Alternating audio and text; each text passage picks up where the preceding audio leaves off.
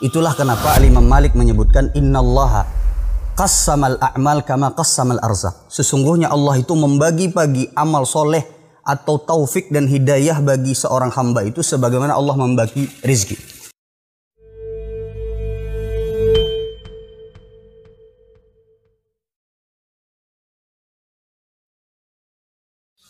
Bismillahirrahmanirrahim. Assalamualaikum warahmatullahi wabarakatuh. Uh, Alhamdulillah Alamin Wassalatu wassalamu ala ashrafil anbiya wal mursalin Wa ala alihi wa ashabihi Wa man istanna bisunnatihi ila yaumiddin. Amma ba'd.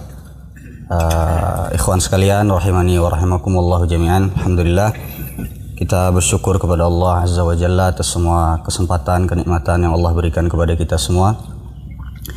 Kita berharap semoga Allah Subhanahu wa taala selalu membimbing kita di atas kebaikan dan senantiasa selalu bisa istiqomah di atas ketaatan sampai nanti Allah Subhanahu wa taala mewafatkan kita semua.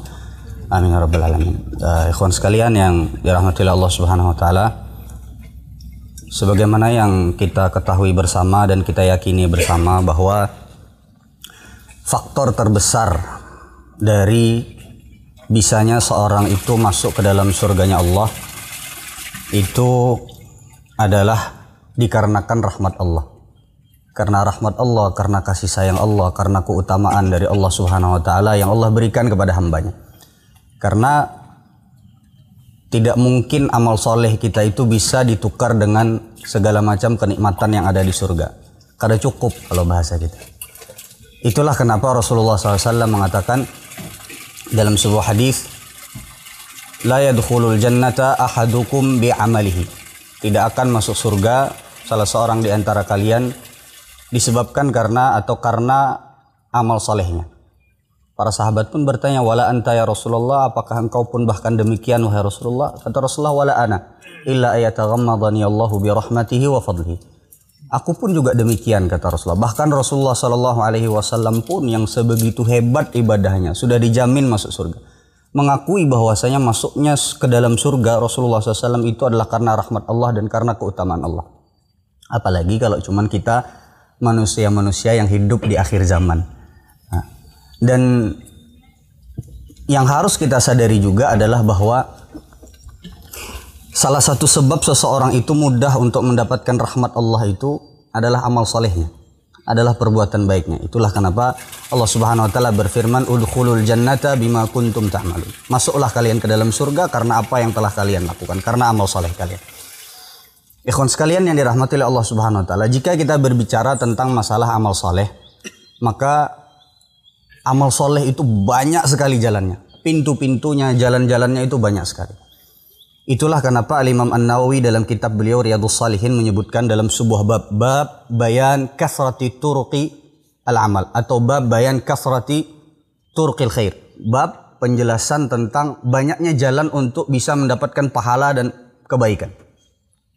Sehingga para ulama ketika menjelaskan makna dari bab ini, bab banyaknya jalan untuk menuju kebaikan, banyaknya jalan untuk mendapatkan pahala dari Allah Para ulama menyebutkan bahwasanya ada dua sebab kenapa Al-Imam An-Nawawi menyebutkan bab ini di dalam kitab Riyadhus Salihin. Yang pertama adalah untuk kalau orang bisa memahami banyak jalan untuk mendapatkan pahala, dia akan semakin rendah hati dan akan lebih terjauh dari sifat ujub dan sombong. Karena dia bisa melihat, bisa faham bahwasanya kalau ada orang yang amal solehnya dilihatnya secara zahir kasat matanya mungkin kurang daripada apa yang dia lakukan, dia bisa memahami bisa jadi orang tersebut memiliki amal soleh yang lebih daripada saya yang tidak dia tampakkan karena jalan menuju kebaikan dan pahala Allah itu banyak. Antum lihat orang bersedekah Antum masukin 50 ribu. Orang di samping antum masukin ke celengan 2 ribu. Orang yang memahami bahwasanya jalan kebaikan itu banyak. Dia akan bisa rendah hati meskipun dalam keadaan demikian. Karena dia bisa melihat, oh mungkin orang ini sholat malamnya lebih panjang dari saya. Oh mungkin orang ini baktinya kepada orang tua lebih banyak daripada saya. Itulah kenapa Imam Malik menyebutkan innallaha qassamal a'mal kama qassamal arzak. Sesungguhnya Allah itu membagi-bagi amal soleh atau taufik dan hidayah bagi seorang hamba itu sebagaimana Allah membagi rizki. Kalau rizki ada yang jatahnya di pegawai negeri, ada yang jatahnya misalnya di menjadi pegawai atau menjadi karyawan, ada yang menjadi pengusaha, pedagang dan lain sebagainya. Seperti itulah pula amal soleh. Kata Imam Malik, ada yang dibukakan pintu sedekah, ada yang dibukakan pintu sholat, ada yang dibukakan pintu puasa dan lain sebagainya. Nah, sehingga ikhwan sekalian yang dirahmati Allah, ini sebab yang pertama. Makanya ini berkesesuaian dengan apa yang disebutkan oleh Al-Imam Al-Hasan Al-Basri. Beliau mengatakan, At-tawadu, kerendahan hati yang seharusnya dimiliki oleh setiap muslim, setiap orang yang beriman, itu adalah antakhruja min manzilika. Ketika engkau keluar dari rumahmu, wala talqa musliman dan engkau tidaklah bertemu dengan satu orang muslim pun illa lahu alaika fadla kecuali engkau melihat bahwasanya orang tersebut lebih utama daripada engkau. Jadi itu fungsi kita memahami bahwasanya jalan amal soleh itu banyak supaya jangan sombong. Supaya kita bisa pola pikirnya seperti Al Hasan Al Basri. Oh orang ini mungkin sedikit amal solehnya, mungkin ada amal soleh yang lain yang dia lebih utama daripada kita. Sehingga hati itu akan senantiasa selalu bisa tawaduk, sehingga hati itu akan senantiasa selalu jauh dari yang namanya ujub. Yang kedua, dan ini yang termasuk paling penting, adalah untuk menyadari kita sebagai hamba Allah itu kasih sayang Allah kepada kita itu luar biasa besar. Sehingga banyak pintu-pintu kebaikan yang bisa kita masuk dan cari kebaikan dan pahala di dalam. Banyak jalan untuk menuju surga Allah Subhanahu wa taala. Kalau kita mau lihat amal soleh itu, maka bisa kita kelompokkan kalau secara besar kita bagi-bagi, itu kurang lebih garis besarnya berporos pada empat perkara. Yang pertama, ada amal soleh yang porosnya adalah hati. Ini disebut dengan a'malul qulub atau al-a'mal al-qalbiyah. Jadi hati ibadah yang bentuknya adalah hati atau tempatnya kita cari pahalanya dari bagian hati. Seperti misalnya beriman kepada Allah itu bagiannya adalah bagian terpentingnya adalah hati. Makanya Syekhul Islam menyebutkan inti dari seluruh amal soleh itu asalnya adalah hati. Makanya di dalam sebuah hadis disebutkan idza saluhat saluhal jasadu kullu. Apabila baik hatinya maka baik pula yang yang lain. Makanya Syekhul Islam menyatakan asal daripada seluruh amalan yang kita kerjakan itu asalnya adalah hati. So, beriman kepada Allah, ikhlas, kemudian juga tawakal, takut kepada Allah, mencintai Allah itu semuanya adalah amalan hati. Termasuk juga di dalamnya adalah niat. Dan antum mungkin tidak bisa membayangkan betapa seseorang yang paham terhadap perkara ini bisa mendapatkan amal soleh yang mungkin tidak bisa dia kerjakan atau bahkan mustahil bisa dia kerjakan. Contoh seperti misalnya seseorang yang disebutkan oleh Rasulullah SAW di dalam sebuah hadis.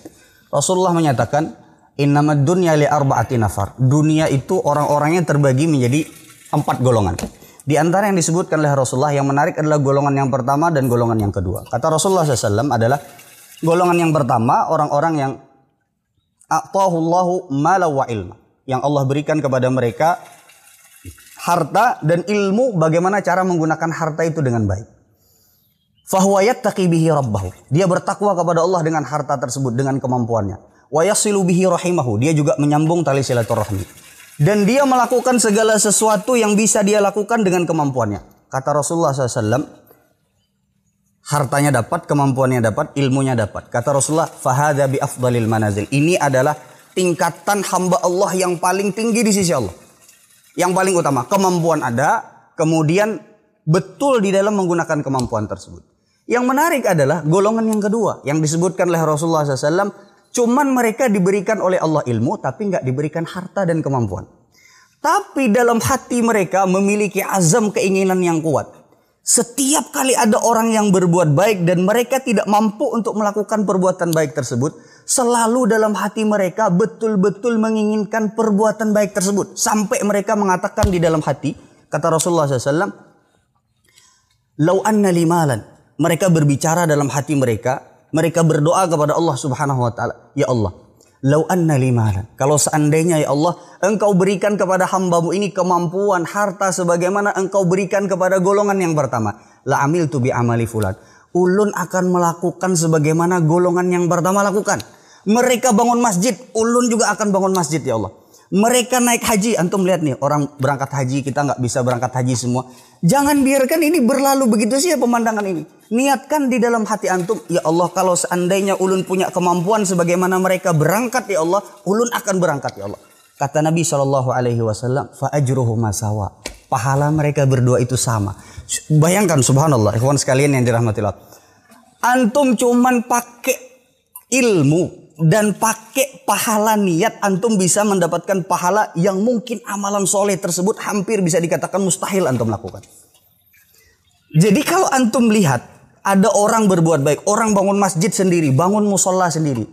Jangan antum cuman sekedar ma inilah oh, hebatnya bangun masjid sendiri, bangun musola sendiri. Nah, jangan biarkan pemandangan amal soleh yang antum tidak mampu lakukan berlalu begitu saja.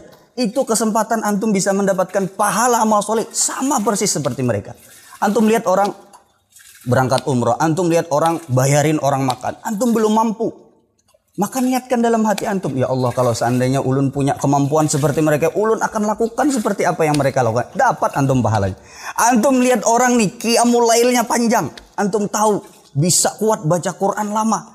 Jangan biarkan pemandangan itu atau pengetahuan antum terhadap hal itu berlalu begitu saja. Niatkan, ya Allah kalau ulun punya kemampuan, ya Allah ulun akan lakukan sama seperti yang mereka lakukan.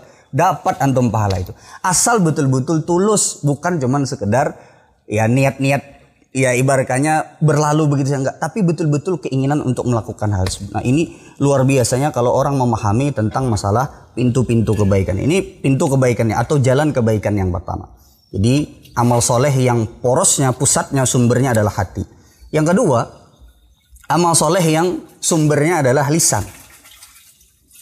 Seperti misalnya antum berzikir kepada Allah, itu dari lisan. Antum masuk ke dalam Islam atau misalnya orang yang baru masuk ke dalam Islam maka harus uh, apa namanya bersyahadat dengan lisannya selama dia mampu antum baca Quran antum sholat dan ini harus kita pahami bersama sholat itu harus menggunakan lisan selama antum mampu sepakat para ulama bahwasanya sepakat semua para ulama madhab bahwasanya kalau antum sholat tapi antum cuma bacanya di dalam hati selama antum mampu untuk membacanya tapi antum bacanya cuma dalam hati maka sholat antum nggak sah Antum sih takbiratul ihram.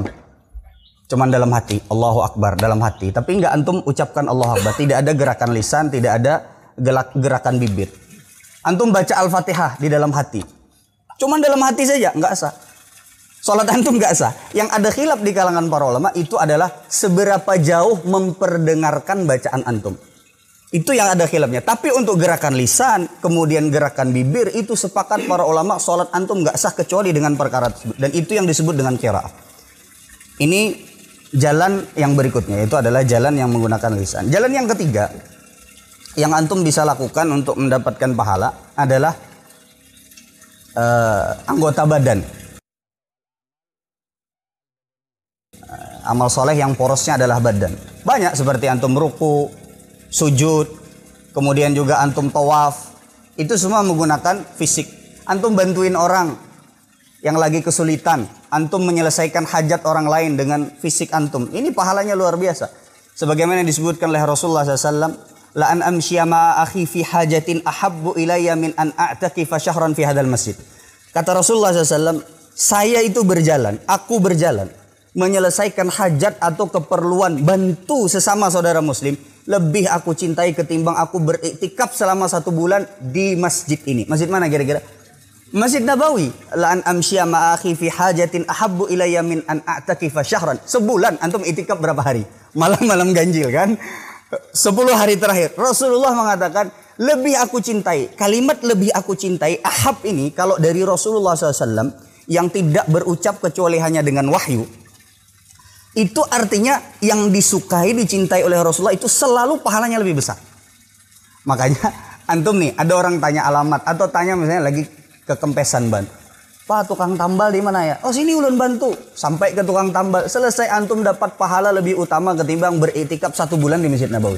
Begitu rahmat Allah kasih sayang itu luas banget untuk kita umatnya Nabi Muhammad ini. Antum bayangin orang nanya alamat antum anterin sampai rumah.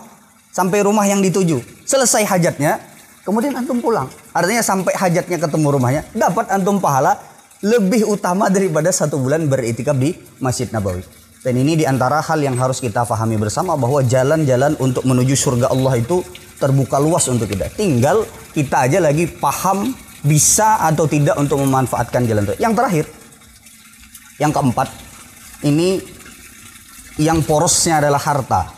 Dan ini adalah termasuk yang paling sulit karena ini termasuk yang berhubungan dengan kecintaan kita terhadap dunia. Ya. Jadi yang namanya berinfak, bersedekah itu termasuk paling banyak godaannya.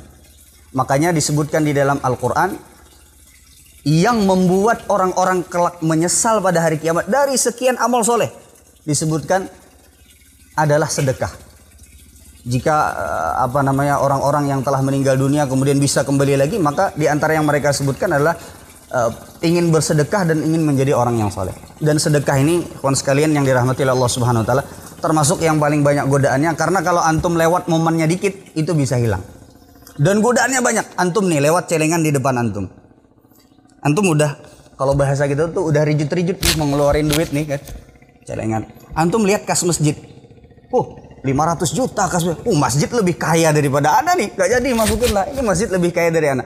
Anda nanti cari fakir miskin yang kira-kira membutuhkan. Antum keluar masjid, sudah kena tabari lagi tuh fakir. Sudah hilang udah. Ketika momennya udah hilang, itulah kenapa Uh, termasuk dari sesuatu yang paling banyak disesalkan oleh orang-orang yang meninggal adalah ketika mereka mampu untuk mengeluarkan harta mereka di jalan Allah kemudian mereka tidak mengeluarkannya. Dan satu prinsip yang perlu kita pahami berkenaan dengan uh, fakir miskin. Orang-orang yang kaya itu ikhwan, sekalian yang orang-orang yang punya rezeki yang banyak, rezeki yang berlimpah. Kalau ketika kelak mereka di akhirat, mereka akan menyadari betapa sebenarnya ketika mereka di dunia mereka lebih membutuhkan kepada sedekah ketimbang orang-orang fakir miskin. Yang paling membutuhkan sedekah itu sebenarnya adalah orang yang hendak memberikan sedekah.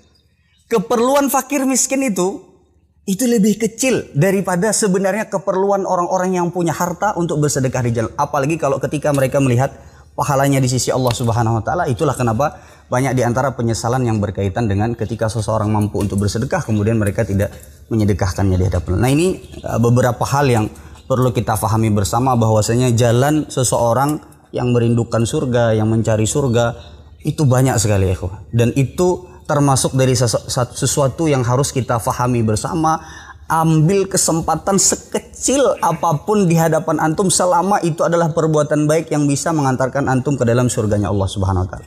Ini yang bisa ana sampaikan pada kesempatan kali ini. Salah dan khilaf ana mohon dimaafkan. Kita tutup dengan doa kafaratul majelis. Subhanakallahumma wa bihamdika asyhadu an la ilaha illa anta astaghfiruka wa atubu ilaik. Warahmatullahi wabarakatuh. Waalaikumsalam